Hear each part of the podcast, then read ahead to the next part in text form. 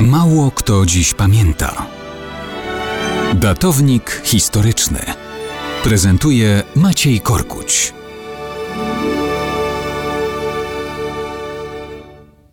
Mało kto dziś pamięta, że w kwietniu 1561 roku przybyło do Polski poselstwo od króla Szwecji Eryka XIV i jego brata Jana z rodu Wazów.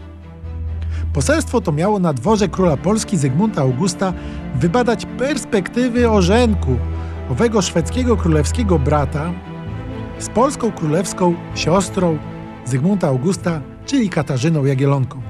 Później będzie ona matką Zygmunta III Wazy na polskim tronie. Pośrednikiem miał tu być polski możnowładca, zaufany Zygmunta Augusta, wojewoda bełski Jan Tęczyński. Do politycznego małżeństwa Jana Wazy i Katarzyny Jagielonki kiedyś powrócimy. Ale teraz skupimy się właśnie na Tęczyńskim i jego prawdziwej miłości do słynącej z urody siostry szwedzkiego króla Eryka, Cecylii.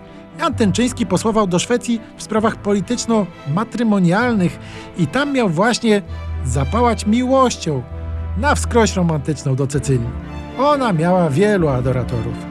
Jeden z nich, hrabia Fryzji, nawet próbował się potajemnie kiedyś zakraść przez okno do jej alkowy, co miało być przedmiotem pokaźnego skandalu.